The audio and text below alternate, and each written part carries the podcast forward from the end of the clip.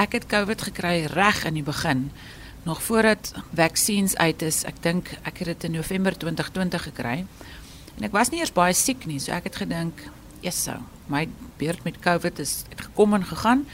Maar so 'n paar maande later, seker so 4 of 5 maande later, het ek verskriklik sleg begin voel. Ek was kronies moeg. Ek kon niks onthou nie. Ek het wat hulle noem brain fog gehad. Kon nie 'n voldag werk nie. Ek moes in middagete op my fisiobed slaap sodat ek die middags se pasiënte kon doen. En toe is ek gediagnoseer met long COVID. En dit was devastating want vir iemand wat al vir 10 jaar eysterman doen en gewoond is aan 'n aktiewe leefstyl, ek kon nie oefen nie want ek het net eenvoudig nie krag gehad nie. So ek moes gaan kyk het wat is die beste manier om hierdie stryd te oorwin. Dit was 'n groot mental aanpassing want jy moet doen wat jou lyf vir jou sê, maar jy kan ook nie net niks doen nie. Want soos wat ons almal weet is long covid 'n inflammatoriese siekte. En die ding wat die beste werk vir inflammasie om dit teen te kamp is om elke dag 'n bietjie te oefen. Want dit is 'n manier om jou stres minder te maak want nie net is long covid 'n inflammatoriese siekte nie, maar stres se eindproduk is ook inflammasie. So almal van ons het te veel inflammasie, so ons inflammasiebekertjies loop oor. En ons moet probeer om maniere te vind wat goedkoop is wat ons elke dag kan doen om ons inflammasie minder te maak. En oefening is een van hulle. Ons praat met die basiese fisioterapeut Marolien Schmidt wat uh, vertel van haar pad om long covid te oorwin. En jy sê long covid is eintlik niks anders as inflammasie nie. Long covid is meer as net inflammasie, maar die slotsom van long covid is dat daar te veel inflammasie in die lyf. En ons almal weet stres maak dood, want stres se eindproduk is ook inflammasie. En inflammasie is dit wat al jou ek weet nie wat se Afrikaanse woord non-communicable diseases kan aktiveer nie. So stres kan vir jou hoë bloeddruk gee, stres kan vir jou diabetes gee. Stres kan vir mense wat ouer raak soos ek is amper na my 40s toe en soos wat mense ouer raak en hormoon veranderinge kry, kan stres selfs bydra tot beendigtheidsprobleme wat osteoporose is. Beendigtheid, so met ander woorde, as jy te veel gestres is.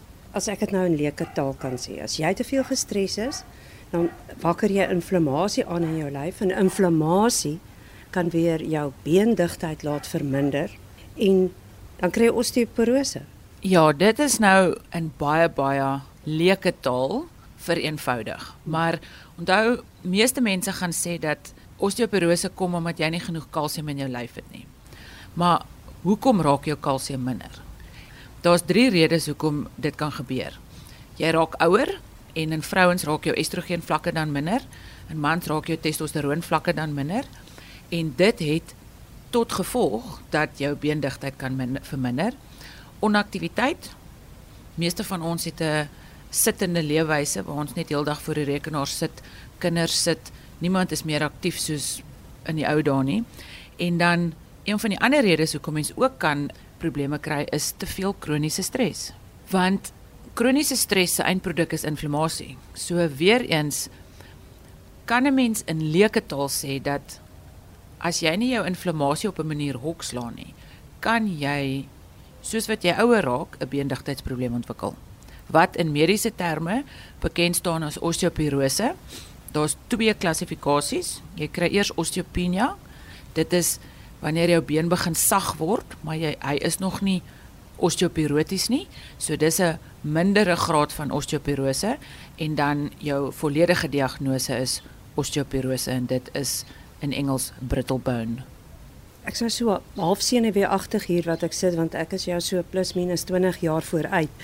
Um, nou wat kan 'n mens doen behalwe om te sorg dat jy nie stres nie? Ek weet nie hoe kry mens dit reg nie, maar om te sorg dat jy jou beendigtheid so plus minus Marolien so plus minus op 'n goeie vlak hou.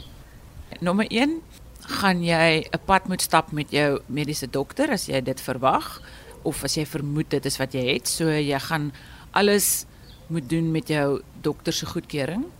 Maar ons leef in 'n era waar die mens baie meer betrokke raak by sy eie gesondheid. Ons leef in 'n holistiese era waar as die pasiënt betrokke is by sy gesondheidspad, dan het jy baie beter uitkomste.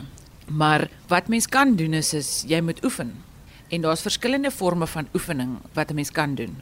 Gewigdraande oefening is een van jou beste maniere om osteoporose te te kamp. Ehm um, stap, dis 'n baie goeie ding. Ek het juis nou ook by 'n hiking klub aangesluit in Port Elizabeth om hierdie verskriklike mooi berge by Crossways te gaan aandurf. Dans, dis lae impak gewigdraande oefeninge. Jy kan lae impak gewigsoefeninge doen. Nie high impact oefeninge nie, maar meer lae impak. Skus van lae impak gepraat. Is dit soos die stofsuier ronddra in die huis, emmers water ons hier met die droogte en so aan of is dit gewigte? Jy kan 'n home program uitwerk. Ek bedoel as jy elke dag trappe klim by jou huis en jy dra wateremmers rond en jy moet die wateremmer oplig. Jy kan dit sien as lae impak oefeninge sonder dat dit jou 'n sent gaan kos. Maar as jy meer gesofistikeerd wil gaan, kan jy dit in die gim met gewigte ook doen. Hulle sê tuinmaak is ook 'n baie goeie teenvoeter vir osteoporose.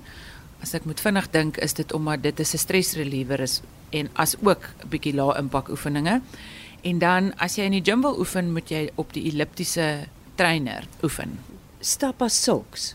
Ek wag heeltyd dat jy sê hardloop, maar jy sê dit is nou stap en dan as ek dink daaraan soos tuinmaak dit ontspan jou ook, maar stap en dan hoe ver moet jy stap want is dit nou jy weet minstens 'n uur of moet jy nou maar jou kar verkoop in winkels toe loop? Ek dink nie in Suid-Afrika sal ons ooit sommer ons karre verkoop nie. Maar ek dink die minimum stap is ten minste so 10 na 20 minute 'n dag. As mens gaan kyk, 10 minute se stap na ete het 'n beduidende impak op hoe jou glikose vlakke kan verbeter nadat jy geëet het. So ek sal begin neer te sê miskien 'n minimum van 10 minute. Jy kan tot 'n uur stap afhangende van waar jou fiksheidsvlakke is, solank jy net nie die hele dag in jou stoel sit en niks doen nie. Die ander ding wat 'n mens ook kan doen in vandag se ekonomiese toestand, wil mense ook nie net geld uithaal en supplements koop nie. Want aanvullings, almal gaan sê vir osteoporose en beendigtheid moet jy kalsium drink en kalsium. Maar daar's baie maniere hoe mens deur net beter te eet van daai aanvullings kan inkry.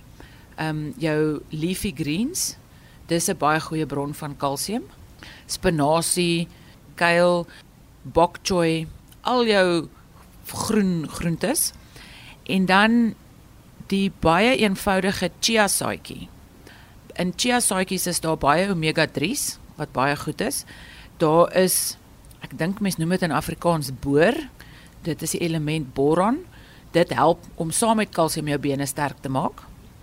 Dan kry mens ook baie kalsium in in chia saadjies en dan is dit natuurlik ook 'n proteïen. So dit is 'n vorm van proteïene wat jy dan saam met jou pap kan inneem of saam met jou smoothies. Nou wil ek net laasens Marolien Schmidt, fisioterapeut van Nelson Mandela Bay wat haar leefwyse aangepas het om lang COVID, die uitwerking van lang COVID die hoof te bied. Nou wil ek net by jou hoor. Jy doen al hierdie dinge wat jy nou die raad voorgee, juis om steeds 'n aktiewe lewe te kan handhaaf en so aan. En wat het jy agtergekom? As jy te lank sit, wil jy nog langer sit? Of as jy begin oefen, wil jy langer oefen of let jy op op wat jy eet? Ek doen 'n kombinasie van alles. Jy kan nie niks doen nie. So ek het uiteindelik weer begin triathlon doen. Ek het die Mosselbaai halwe eysterman laas jaar in November gedoen. Ek weet nog nie of ek kan sien vir 'n volle eysterman weer nie, maar definitief halwe eysterman. Jy moet jou hoeveelheid oefening reguleer. Ek is nog nie daar waar ek die oefeningstoleransie kan handhaaf wat ek gehad het voordat ek COVID ontwikkel het nie. En dan wat jy eet en hoe baie jy slaap het 'n baie baie groot impak op jou gesondheid. So ek kan sê dat ek ek let op wat ek eet. Ek probeer soveel as wat ek kan 'n gesonder leefstyl hê wat amper 'n anti-inflammatoriese leefstyl is, soos minder suikers, meer leafy greens, meer natuurlike aanvullings soos chia saadjies en dan natuurlik moet jy oefen. Jy kan nie niks doen nie, want een van die beste maniere om inflammasie te te kamp is manier van oefening waarvan stap jou maklikste manier is want is lae impak en soos wat ek gesê het een van jou nagevolge van te veel inflammasie kan beendigtheidsprobleme wees. En as jy begin ouer raak, dan moet jy dit in ag neem en jy moet 'n tipe van 'n oefening kies om probleme in die toekoms te voorkom. En daarvoor is stap en lae impak oefeninge natuurlik die beste. Baaldans? O, koek Mariska, jy kan dit probeer. ek dink nie ek het die flexibility vir baaldans nie.